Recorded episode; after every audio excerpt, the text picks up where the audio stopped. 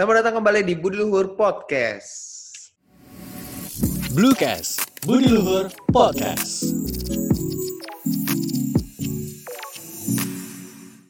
Yeay, halo Blutizen apa kabar nih semuanya? Mudah-mudahan tetap sehat, tetap semangat ya walaupun selama tiga bulan ini di rumah aja ya Feb ya. Bener.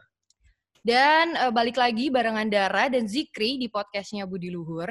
Dan di episode kali ini kita kedatangan narasumber yang hmm, Hmm. keren banget ya. Benar, karena yang biasanya tuh dar kita kalau nggak ngomongin sama anak beasiswa, Mm-mm. anak rantau, Mm-mm. terus juga biasanya juga ngomong sama dosen mungkin kita Nah. ngomong sama dosen dan kali ini beneran beda banget Beda banget. karena ini adalah salah satu anak muda yang mengikuti gugus depan sebagai dokter. di- Iya benar di di London. di London ya. Benar. Ini biasanya kita paling jauh tuh palingan anak Kalimantan, Kalimantan. Sumatera, tapi kali ini ada narasumber dari luar negeri yaitu Dokter Ardito Pramono, bukan ya? Bukan dong, penyanyi dong itu. ini dia Dokter Ardito Wijono. Halo dokter. Halo Dara, halo Zikri, halo Budi Luhur, thank you ya semua. Yeay. Halo, apa kabar nih? Baik, Dokter. baik, lagi Nih, lagi manggil, manggilnya apa nih? Oh, lagi cuti ya? Dito aja, Dito. Dito ya, ini Dito. Kita manggilnya Dito aja. Dito Tapi aja. lo gue, lo gue atau gimana nih? Saya? Apa aja sih, Kamu? nggak nggak usah sopan-sopanan gitu. Oke, oke, oke. Oke nih, eh, di- jadi dokter Dito ini nih ya. Dokter Dito tau Ardito Pramono gak sih sebenarnya? Enggak, enggak. Apa? Kita sebenarnya mention ya. Ternyata nggak tahu dokter Dito nih. Iya, nggak tahu. Coba dikenalin Jikri. Siap- Kayak dokter Dito nih kerja mulu ya, masih muda. Nih kerjanya banyak banget ya. Mm-mm. Nah, Karena setelah podcast tolong guys saya jelasin musik Indonesia ke yang yang lengkap ya. Mulai dengan Pramono gitu. Benar-benar.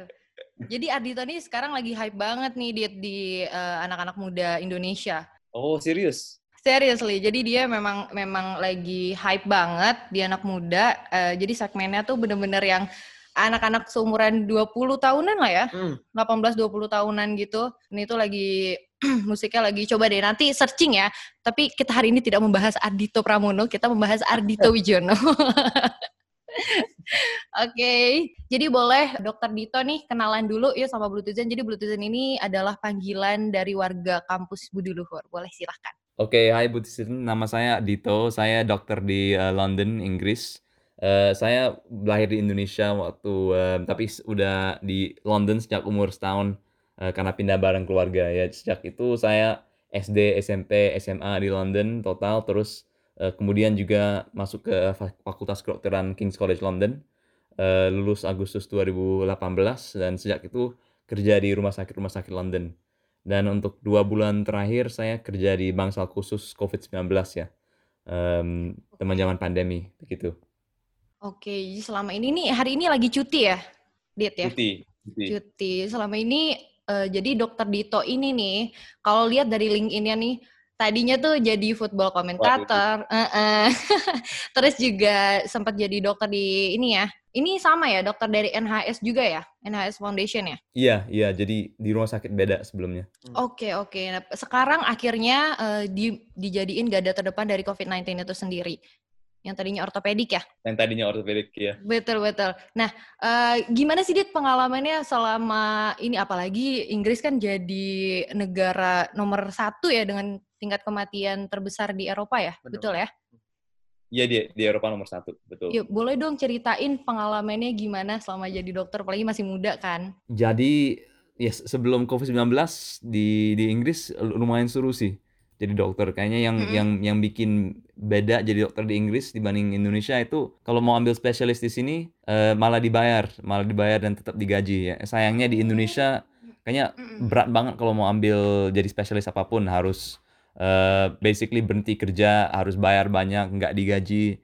Tapi di sini kebalik, malah malah gajinya naikin kalau ambil spesialis ya. Jadi yang yang lebih enak di sini. Terus kayaknya yang yang aku juga senang di sini yang beda dengan Indonesia itu pasien sama dokter itu lebih kayak teman gitu loh. Enggak bukan kayak Hmm. wah iya ya saya hormat dokter gitu. Kayak di, di Indonesia masih ada dinamik begitu ya.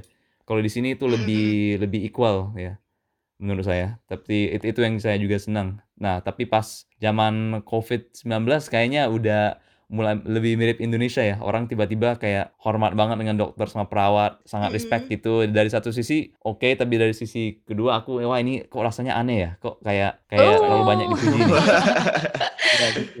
Iya Iya iya gitu. iya, Tapi bener. kalau kalau Iya dari iya sisi iya, bener bener. kerjaannya memang sih lebih lebih berat dan lebih stres pas, mmm, pada Mhm. puncaknya COVID-19 di sini ya. Jadi awal April itu memang ya luar biasa stresnya. Banyak sekali pasien yang meninggal, eee, ya banyak sekali Mmm. keluarga yang kami harus, mmm, memberitahu berita dukanya.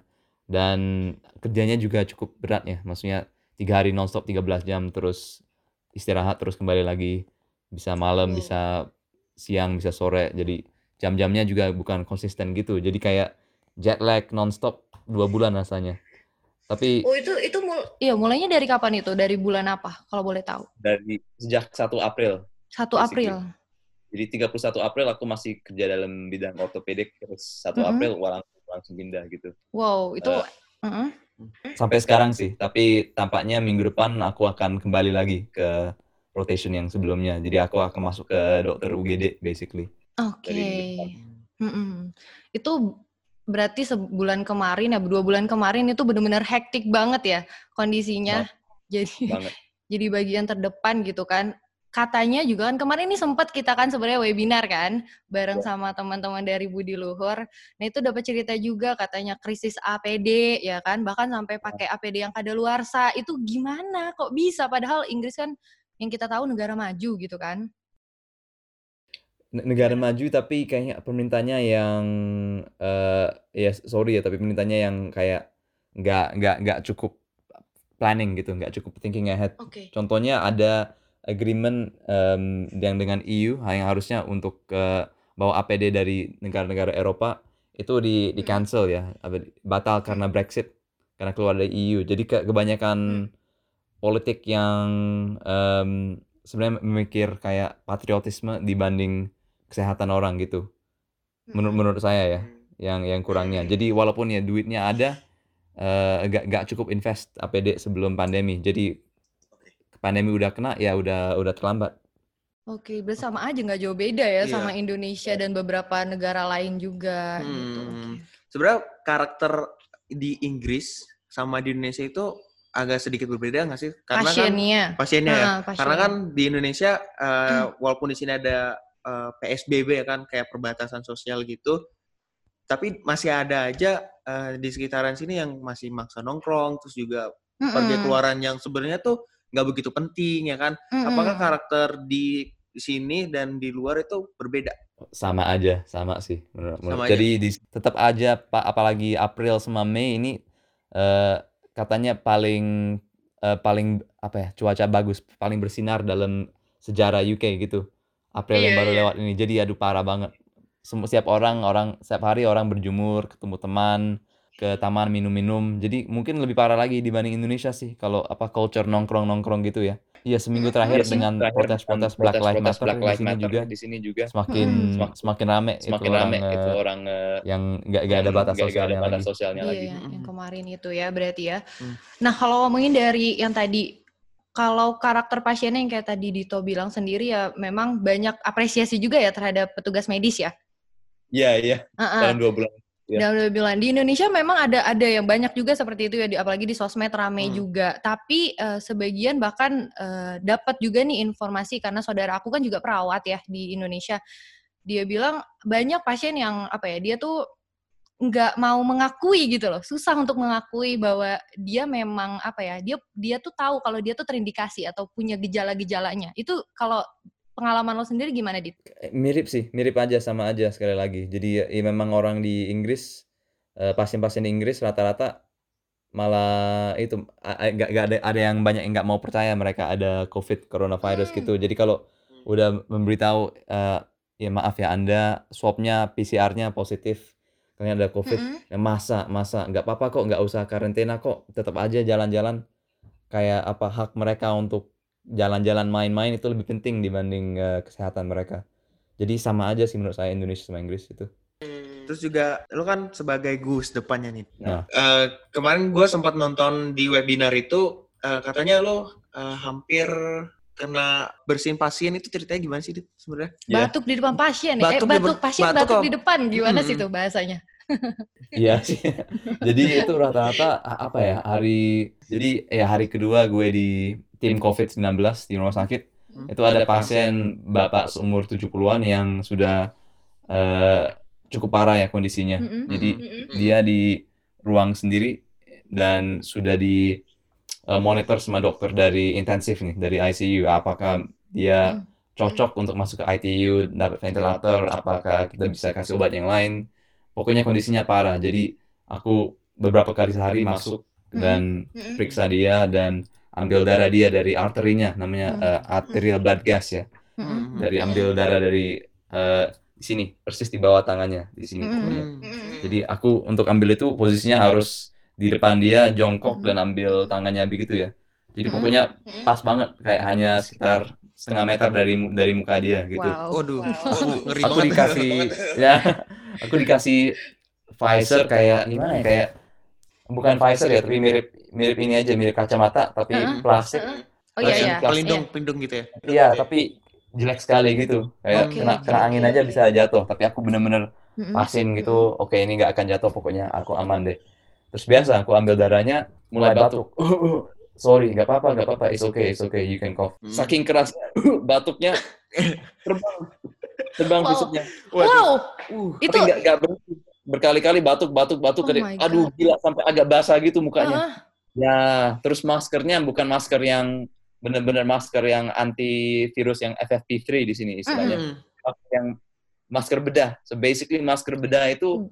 virus bisa bisa nembus. Mm. Jadi aku kayak ya gue rasanya kayak aduh gimana ya ini udah pasti kena nih, udah pasti Uh. kena. Insecure banget tuh langsung ya.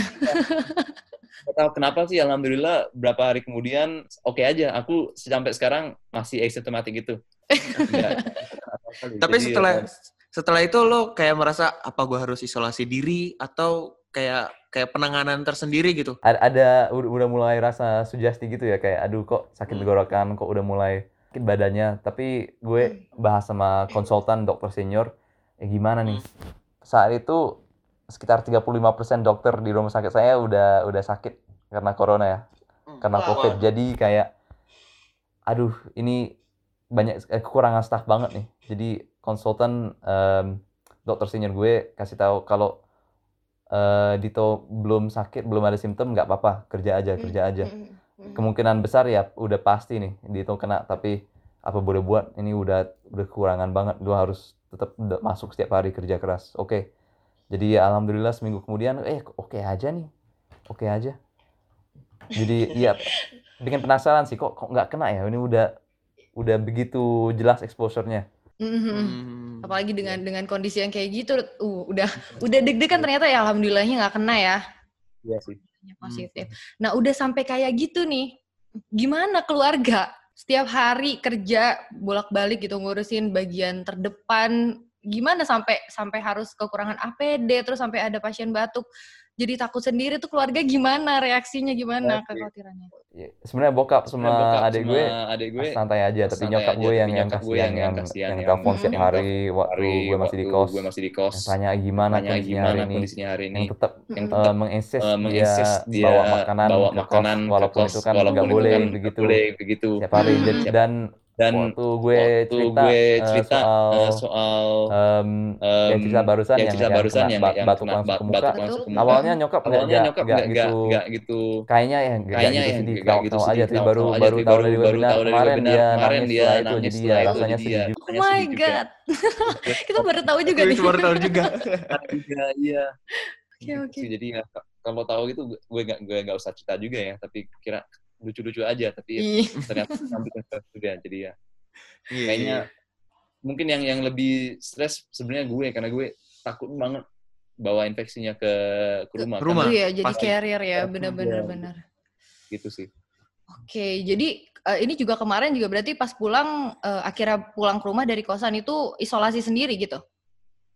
Eh, iya sih. Jadi jadi intinya setelah kosnya ditutup lagi, Mm-mm. gue beberapa hari tetap di kos untuk ngecek ini tetap asymptomatic ya, tetap nggak ada eh, simptom penyakit COVID, tetap oke. Mm-mm. Terus setelah pulang langsung juga mandi. sempat di di kamar juga beberapa hari supaya nggak langsung kontak dengan keluarga tapi u- setelah udah yakin ya udah oke banget nih Mm-mm. mulai lagi kontak sama keluarga bisa buka sama terus sempat lebaran bareng juga Hmm. jadi ya Ya benar-benar. asik sih. Nah ini ngomongin keluarga nih ya. Hmm. Berarti kan sekeluarga ibu juga di rumah ya, Dit ya? Iya. Ibu, adik, eh, ayah juga di rumah kerjanya. ya ya berempat kami Adek lo ini ya, kuliah ya kemarin dengar-dengar. ya ya Gimana tuh kuliahnya tuh? Maksudnya kan eh, sekarang kan di Indonesia juga semuanya PJJ, e-learning, pe- perkuliahan jarak Iya. jauh gitu kan. Tapi banyak banget, bahkan sampai sekarang trending di sosial media tuh demo sana sini lah gitu ya, anak-anak mahasiswa ini untuk apa Oh, minta haknya. Iya, kalau Iya. Kalau Jadi- di Twitter tuh sempat trending eh, kayak beberapa kampus itu kayak eh, mahasiswanya lebih lebih ke tepatnya tuh mahasiswanya kayak kebijakan ini ini gitu banyak ke, ke- kebijakan sebenarnya cuman eh, kalau di eh, di Budilur itu sebenarnya udah menjalankan e-learning sampai dengan satu semester Iya. gitu. kalau adek lo sendiri gimana tuh Dit kuliahnya? jadi awalnya eh, dia di kuliah eh, kuliahnya namanya Queen Mary Queen Mary University of London ya di di Iya. London eh, London tengah kota jadi awalnya emang sedih banget dia PJJ kan ini baru tahun pertama terus tahun Oh, pertama harusnya Oke. lumayan apa yang yang aspek yang dia paling seneng itu sosialnya ya Iya, lagi semangat semangatnya ya Nah, harusnya. iya. Dan juga seneng, seneng banget masuk ke apa? eh, ke apa sih library bahasa Indonesia kok lupa. Perpustakaan. Perpustakaan. Perpustakaan ya, aduh. Mm, Pokoknya setiap hari dia seneng masuk ke ma- masuk ke perpus karena bareng teman kan. Jadi belajarnya bareng. Setelah belajar ke kafe lumayan seru gitu. Jadi aspek itu hilang dan di awalnya dia sempat kecewa kecewa banget pokoknya kayak aduh ini nggak nggak sama kan PJJ itu nggak nggak nggak seefektif datang ke lecture atau ketemu dosennya face to face istilahnya. benar. Jadi dari sisi itu dan dari sisi sosialnya kecewa banget. Tapi kayaknya belakangan dia udah mulai apa mengaccept gitu dan dia udah udah tenang aja ya, ya apa boleh buat ya. Iya udah. Kemudian Mm. tahun depan juga tetap PJJ, tetap e-learning, Oh gitu. Um, lebih lebih penting kesehatan gitu aja sih. Tapi Hmm. awalnya memang udah mulai beradaptasi dengan new normalnya ku Hmm. perkuliahan Banget. gitu ya. Hmm. iya. Kalian juga pasti kan? Iya. Iya. iya. Gimana yang kalian? udah mulai udah mulai ini ya anak perkuliahan juga. Hmm. Cuman kan ternyata yang di sana sampai satu ta sampai tahun depan ya Dit ya ternyata. Ada loh. Ada Iya. contoh yang pertama sih eh, kuliah di, di Cambridge ya, University of Cambridge Mhm. dan dan berita dari mereka itu all of next year jadi akademik dari September 2020 sampai Mhm. Juli 2021 itu udah pasti e-learning PJJ Mhm. total dan kemungkinan besar eh, ujian mereka juga online gitu. Mm-mm. Jadi itu, itu mulai dari dengan Cambridge tapi kayaknya seluruh di UK akan rata-rata sama sih. Itu kayak em, sampai ada vaksin sebenarnya nggak ada nggak ada pilihan yang lebih bagus dibanding social distancing. Jadi apa yang boleh buat sih? Iya, kalau tadi kan ah, ngomongin kuliah adiknya nih, adiknya Iya. Dokter Dita ya. Kalau lo sendiri nih, Dit, maksudnya di umur 25 tahun, betul nggak sih, Dit? 25 tahun ya? Iya. 25 tahun, kalau dilihat dari track record sendiri, experience-nya tuh banyak banget gitu kan. Kuliah, akhirnya memutuskan kuliah dokter gitu. Padahal yang kalau kita tahu nih FYI buat Bultizen, jadi ibunya Dito ini sebenarnya seorang senior jurnalis di BBC London ya. Kok ya eh, kenapa gitu akhirnya mem- mem- memilih untuk jadi dokter gitu. Kemarin itu kan sesuatu jalur yang kalau bisa dibilang berbeda ya. Iya sih, maksudnya em, aku gue sekarang nggak ada nggak ada dokter langsung ya di, di keluarga langsung, tapi Mm-mm. waktu masih muda, waktu masih ada opa, sempat beberapa kali lihat dia praktek, Mm-mm. terus kayaknya terus asik gitu, prakteknya di klinik kecil di Cibinong, Jawa Barat. Mm-mm, terus- Cibinong. mm. ternyata kayak sibuk seharian terus kok Mm-mm. seru nih ya pakai jaket putih stetoskop kayak aduh seru aja terus waktu masuk ke SD SMP udah mulai mikir kayaknya asik ya jadi dokter aku nggak menarik dengan financial nggak Mm-mm. menarik dengan kayak apa ya kayak consulting software kayak apa ya nggak menarik dengan humanity gitu juga kayak politik tapi antara itu sama sebenarnya jurnalistik sempet mikir juga gue karena Mm, gue seneng seneng nulis gitu seneng English seneng baca seneng nulis heeh. karena dengan nyokap gue juga mu- eh mungkin mungkin lumayan gampang ya maksud dapat pengalaman kalau mau untuk ngelamar jurnalistik Hmm. Tapi waktu umur 15 gue sempet istilahnya di sini uh, work experience magang ya. Iya. Jadi ini ada beberapa rumah sakit untuk magang. Mm-mm. Ada satu di London yang bilang, oke, a- datang aja di itu dua minggu coba magang. Wow. Eh kok seru ya, seru. Terus kemudian kembali ke Indonesia juga sempat em, email fak, eh, FKUI magang di situ juga seru, dua-duanya seru. Oke deh hajar deh. Akhirnya ya gue milih itu karena karena magang-magang itu dan dari muda juga udah mikir sejak ketemu opa kayak aduh asik juga kedokteran itu sih. Jadi emang passionnya ya dari Passion. dari kecil udah udah minat di dokter gitu ya. Iya sih bisa lumayan. Tapi kalau kalau ada menyasar bakal Hmm. menyasar nulis nulis jurnalistik kayaknya sih. Oke. Nah, Oke, eh, selama lu kan tadi eh, dari awal-awal bulan atau awal pandemi ini kan sebagai jadi gugus depan ya tuh ya. iya sih, iya. Nah, nah setelah dapat cuti ini, lo punya hobi lain gak sih untuk kayak mengisi kekosongan? ya udah Waktu- longgar, udah mulai longgar ya. Selain ini. eh, karena lu punya kucing juga, kemarin gue sempat ngeliat di webinar tuh ada kucing Siapa hitam. namanya? Dit? Eh, yang ada Yang ke- tiga kucing. Ada tiga Ada loh. tiga Siapa loh. aja Dit Kemarin- namanya Dit? Webinar itu yang hitam namanya manis. Si Oh, si Manis. Manis. Oke. Manis. Ini ada satu lagi yang eh, perempuan hitam cantik. Heeh. Si Ada cantik. yang coklat. Si yang bule Simba. Simba. Simba. Kenapa yang boleh Simba? Kayak Lion King. Iya.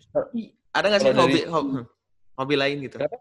Oh iya, kalau dari sisi, sisi hobi selain pelihara kucing sih seneng main drums. Wah, Wah. keren nih. Waktu di, waktu di Clove nggak bisa, tapi setiap setiap hari di sini kalau lagi cuti sebenarnya gue main sini. Wah, Keren. keren nih. Ini kayak lengkap nih studio. Ini jangan-jangan satu studio nih ada gitar, ada Oh, bass nih. Bener bukan, nih? Bukan. Ada ada satu ada gitar akustik sama ukulele sama drum itu aja. Oh, berarti eh, hobinya musik ya, Dito ya. Gitu. Jadi kalau kalau bisa setiap hari sih tetangga gue lumayan lumayan benci. Drum. Ah gila, malam-malam main nggak? Malam-malam main nggak? Eh, sem- pernah kan setelah buka kalau ya ya buka di sini aduh lumayan lumayan lumayan eh, malam sih bukanya di sini kan jam 9-an. Iya. Kalau buka jam 9 main drumsnya bisa jam 10 jam 11 gitu. Mm-mm. Mm-mm. Iya gitu sih. Itu Apa- tetangga ini apa sih berisik-berisik gitu ya? Berarti Dito Dito tahu ini ya, eh, drummer Indonesia si Rani YouTube di YouTube. Tahu? Kay- Kayaknya pernah nonton videonya dia main lagu Par- Paramore gitu tapi Oh, iya, iya, iya. benar. Dia, dia Itu pernah ya- itu pernah nge-cover itu. Cover paling kerennya Hmm. dia menurut gue sih. terkenal dia. Kenapa? Terkenal sebagai drummer dia. iya terkenal. Terkenal dia di terkenal. sini lumayan. Karena sempat ikut ajang kontes kecantikan juga kan, Rani Mm-mm. itu. Rani. Nah, kalau sebenarnya nih ya, kalau di Indonesia nih, ada hobi yang cukup unik nih, Dit. Siapa tahu lo ikutan juga. TikTok, Dit. Gimana? Nah, dia di, di sini su- sudah take off banget ya TikTok. Heeh. Kalau kalau sis malam terkenal di rumah sakit gue malah apa bidang or, em, obgyn, Mm-mm. obgyn yang yang rajin TikTok. Oh. Mereka yang kayak Hmm. lagi nggak sibuk Keren keren. sempet sempet juga kena kena disiplin gitu kena Hmm. eh, di, dimarahin basically dari eh, Iya. direktur rumah sakitnya kalian nge-TikTok tapi TikTok mereka dapat kayak ratusan ribu view gitu Oke. Gede Kayak- juga ya. Gitu. iya gede juga iya ya. terus Hmm. kalau iya ya adik gue tentu TikTok banget masih behind banget rasa boomer gitu sih kayak ada Snapchat FB eh, IG itu aja tapi Ini- ya TikTok TikTok masih belum Ini ngomongin soal boomer nih ya. Iya. Ternyata TikTok nggak baik. Gue tuh sama kemarin sebenarnya biasanya ya, Hmm. kalau mau interview narasumber, gue tuh pasti kan kita pasti nyari-nyari informasinya, but it's so hard to find your information. Dari Google tuh gue nyarinya tuh Instagram lo nggak ada, Dit. Gimana bisa anak muda nggak punya Instagram, social media? Atau jangan-jangan punya. Tapi nggak mau dipublish aja ya, Dit?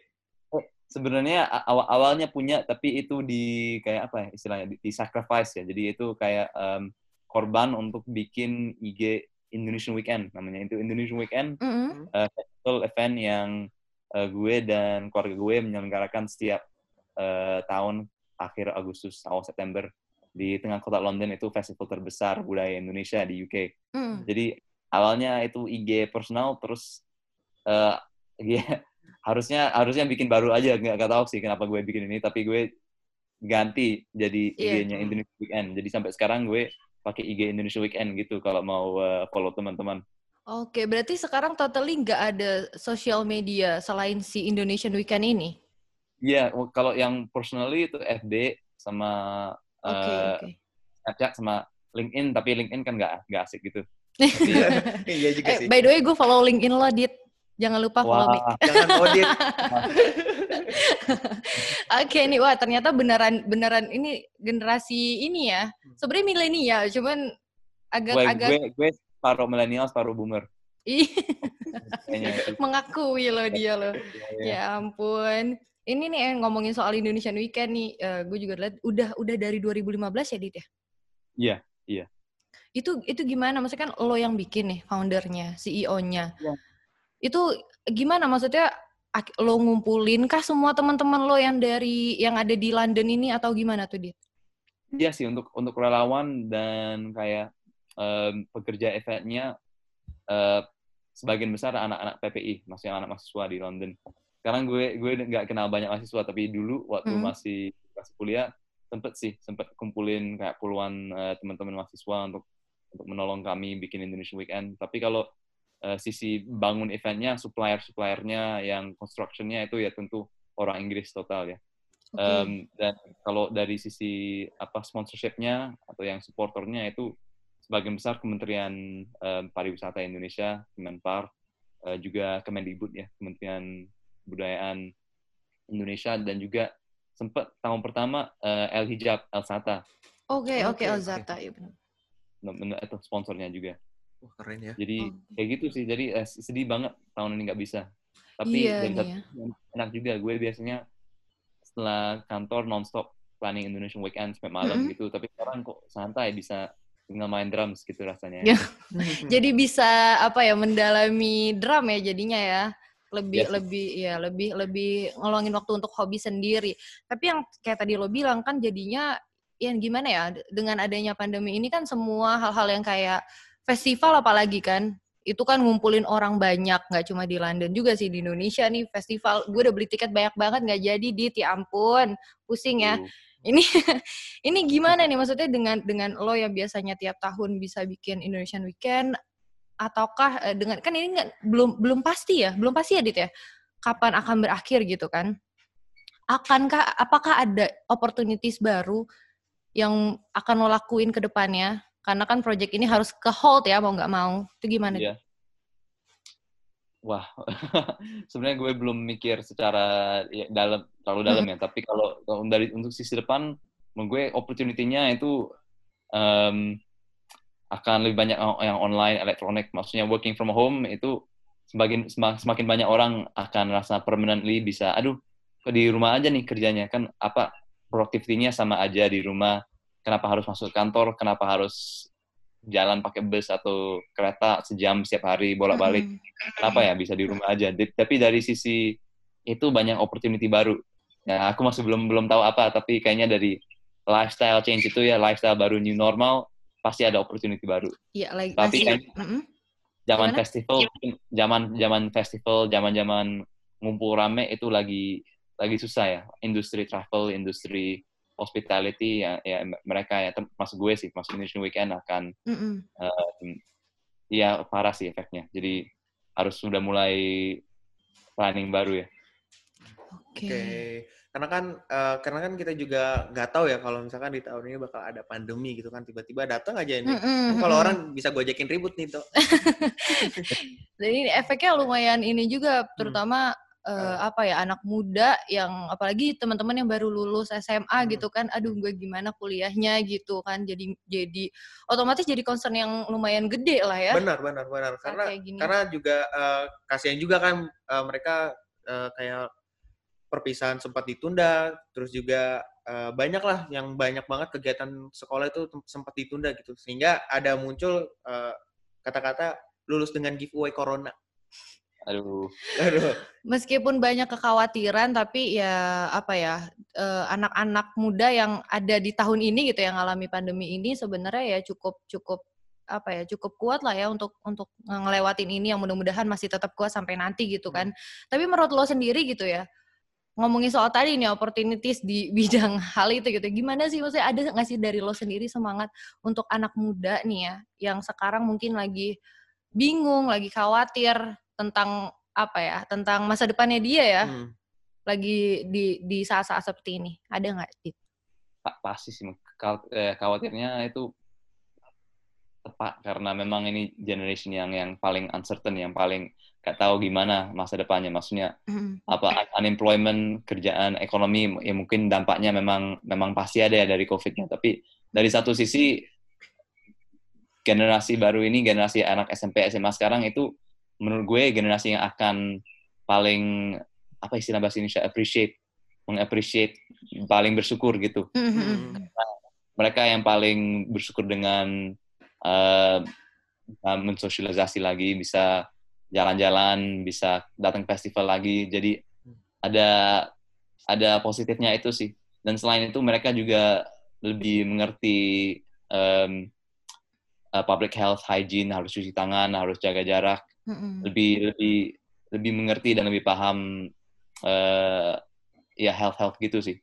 Jadi kalau untuk semangatnya ya kalian harus em, harus just make the most of the new opportunity karena ini kayak ini new new world banget ya. New normal Hmm. itu artinya banyak industri lama yang jatuh tapi juga ada banyak opportunity baru. Jadi tet- tetap tetap berharap, tetap harus berharap dan semangat karena itu. Betul betul tetap semangat. Nah ini sebenarnya dari tadi udah jalan berapa lama nih kita ngobrol nih? Udah lumayan. Ini ada fun fact sebenarnya ya. Jadi Jadi Dito ini eh, kemarin webinar itu adalah presentasi pertama menggunakan bahasa Indonesia. Benar nggak, Tok? Iya, iya. ini bisa dan ini sampai sekarang gimana dit? Ini pertama kali podcast pakai bahasa Indonesia juga, of course ya. Wow. Ini- keren. Wow, dan ini kita dari tadi jalan ngobrol terus lancar loh, udah lo gue lo guean gitu kan. Istilah-istilah juga tahu itu. Wow, wow, wow. Ya, tetap pakai saya Anda berapa kali kan? Ini lancar Susah banget. ya. Kenapa? Inggris pakai I, Inggris pakai I sama you aja terus itu fix kan. I, Hmm. me, you. Kalau kalau dengan orang yang lebih tua, lebih muda tetap aja ya. Bos, Iya. bos, bos, bos lu sama eh, adek lu tetap I sama you. Di Indonesia gila. Anda, eh, saya, aku, kamu, gue, lu kayak aduh. aduh banyak pusing. ya. Ya, banyak. Satu sebutan aja banyak banget ya. Nah, ngomong banget Inggris. Gimana dit? Gampang banget bahasa Inggris dibanding bahasa Indonesia. Masa? Coba ngomong bahasa Inggris Hmm. Bapak. Jangan janganlah. Soalnya ini concern nih, dari tadi dia yang concern nih, Dit. Aduh gimana nih, gimana nih. Ngomong bahasa Inggris. Makanya alhamdulillahnya juga Dito ternyata lancar banget bahasa Indonesianya ya. Padahal baru pertama kali podcast dalam bahasa Masih, masih perlu Indonesia. belajar, masih perlu Duolingo dikit kayaknya. Oke. Indonesia. ini udah udah oke lah ini mah udah udah 99% bahasa Indonesia. Lumayan lah. Ya, terima kasih, terima kasih. Tapi ada yang dikangenin nggak dari eh, Hmm. Indonesia? Kan lo berangkat ke UK itu tahu umur berapa sih? Sound. Satu tahun. Satu tahun. Satu tahun ini bisa lancar. Makanan apa gimana berarti yang lo kangenin di Indonesia sebenarnya? Aduh. Jangan kayak bule ya, selain nasi goreng. tempe. Sebenarnya iya sih, tempe terutama, maksudnya makanan terutama ya. Tapi Oke. itu apa cuacanya, budayanya, eh, apa, keluarga, teman-teman di Indonesia ya, yang bekas mahasiswa di sini juga kayak Hmm. gini. Tapi em, iya maksudnya kangen banget. Ini walaupun gue gede di UK, em, sekolah di UK tetap rasa Mm-mm. kayak ini bukan my bukan tempat permainan gue gitu loh. Kayak Hmm. tetap tetap aja gue lebih eh, lebih- rasa lebih kayak orang Indonesia dibanding orang Inggris gitu. Padahal satu Walaupun- tahun pindah ya. Iya, iya. Dari umur satu tahun pindah tapi eh, Indonesia banget ternyata jiwanya di ini ya. Tapi orang Inggris ramah kok, maksudnya Mm. dan nggak aku nggak ada masalah sama sekali sama orang Inggris tapi tetap aja gue identify-nya lebih lebih sebagai orang Indonesia. Indonesia. Oke. Tiap tahun balik dit. Eh, sejak 2014-15 iya sih untuk Oh. lulus Indonesia kan setiap tahun. Sebelum Oke. itu mungkin siap siap 4 5 tahun, siap 3 4 tahun. Tergantung Hmm. harga harga pesawatnya karena lumayan mahal. Sama ya berarti ya. banget ya, sama mak sama Tergantung promo kesannya ya, pesawat ya, bener, Tok. bener, Yang mana yang bener. paling murah? Ya. Jangan nyebut merek ya, Oh, tolong. iya, siap. Oke, Tok, terakhir, Tok. Mm-mm. Eh, pesan untuk anak muda Indonesia. Iya, terutama yang eh, siapa tahu kan apalagi di London ya. Maksudnya banyak sekarang eh, nggak nggak ada sekarang ya, dari dulu ya. Bahkan kayak aduh di luar negeri pengen deh gue kuliah di luar negeri, pengen dia Oh, punya iya. karir di luar negeri. Hmm. Itu ada nggak pesan-pesan dit? Jadi ya pesan gue sih terutama eh, kalian mesti sangat berharap sangat berharap karena masa depan kalian ada ada akan ada banyak opportunity yang baru Mm-mm. em, ka- karena zaman sekarang yang pandemi. Karena walaupun em, new normal itu industri yang lama banyak yang jatuh, tetap ada akan tetap ada banyak em, eh, opportunity baru yang akan keluar. Jadi eh, selain itu kalau untuk travel di luar negeri, gue gue sangat rekomend sih kalau kalau bisa apa Mm-mm. coba beasiswa, mencoba em, scholarship lain-lain. Tapi jangan jangan terlalu kecewa kalau nggak dapat juga karena Indonesia itu luar biasa ekonomi boomnya anak-anak mudanya. Creativity-nya dan jiwa mudanya menurut gue sih lebih kuat di Indonesia dibanding negara-negara Eropa yang pernah gue kunjungi. Indonesia itu negara yang luar biasa. Jadi em, tetap semangat whatever you are ya. Bahkan di luar negeri bahkan bakal bahkan di Indonesia tetap aja semangat guys. You have uh, a whole whole future ahead of you gitu. Oke, Oke. terakhir dit, London atau Indonesia? Hmm. Hmm, hal lain-lain jawabannya beda sih tapi kalau pasti sih. total Indonesia Indonesia. Oke, Oke. itu kan itu jawaban yang kita harapkan sebenarnya. Satu lagi sebenarnya. Kalau jodoh Indonesia atau Inggris? Aduh. Wah, next time Terima kasih Dito udah mau podcast bareng sama kampus Budi Luhur. Terima kasih Dara Iya, kita having fun banget sih ngobrol sama Dito, sama-sama anak muda, tapi ternyata udah segitu kerennya ya, udah jadi founder Indonesian Weekend, udah jadi dokter yang selama dua tahun lebih ya, Dit ya, di sana ya, di London. ya dua tahun. Oke, terima Gue- gue kasih hanya- banget. Apa? Gimana, kalian mengerti gue gue hanya seneng kalian bisa mengerti gue itu aja Thank you so much, Dito. Ini eh, lagi di hari cuti ya, mudah-mudahan bisa lanjutin drum drumnya ya, Ngedrum ya. hobi drumnya. Bikin cover siapa tahu bikin YouTube channel ya atau IG Oh, iya. baru biar kita bisa follow-followan ya. bisa aja bisa aja Oke deh, terima kasih banyak Dokter Ardito Wijono, bukan Ardito Pramono ya. Nanti cari Ardito Pramono siapa. Oke, langsung langsung bikin covernya oke deh Semangat terima. ya. Ya semangat kerjanya Dokter Dito dan juga sehat-sehat buat keluarga ya. makasih Iya, terima kasih Dokter Dito. Thank you, Bye Kak. Blutizen. Oke deh, itu dia tadi podcast Budi Luhur episode kali ini bersama dokter muda yaitu Dokter Ardito Pramono. Eh bukan ya? Bukan, itu beda lagi. Oh beda lagi, Dokter Ardito Wijono. Kita sana eh bla bla, bla. Ulang. Ya enggak apa-apa terus terus. Tadi nyampe mana? Seorang dokter mu Seorang dokter muda asal Indonesia yang eh, menjadi gugus depan di London ya, Dar. Betul banget dan kita senang banget pokoknya tadi karena Dokter Dito banyak banget sharingnya ya dari sudut pandang anak muda. Nah buat Blutizen jangan lupa nanti dengerin podcast kita episode selanjutnya ya karena kita bakalan ada narasumber yang lebih kece, Lebih menarik. lebih hot. Oh enggak. Waduh, enggak. Kayak kayak akun gosip ya. Oh, bukan bukan bukan bukan. Terima kasih Multizen dan jangan lupa follow Instagram @kampusbiluhur, subscribe YouTube Kampus Biluhur karena di situ menyediakan influencer-influencer terbaik kami. Kenapa harus influencer? Nggak apa-apa kan supaya masuk Budi Luhur. Iya betul. Jangan lupa juga follow akun Twitternya @kampusbudiluhur dan juga Facebooknya Kampus Budi Luhur. Gue Zikri, Gue Dara, kita pamit. sampai jumpa di podcast selanjutnya. Selanjutnya. Bye bye.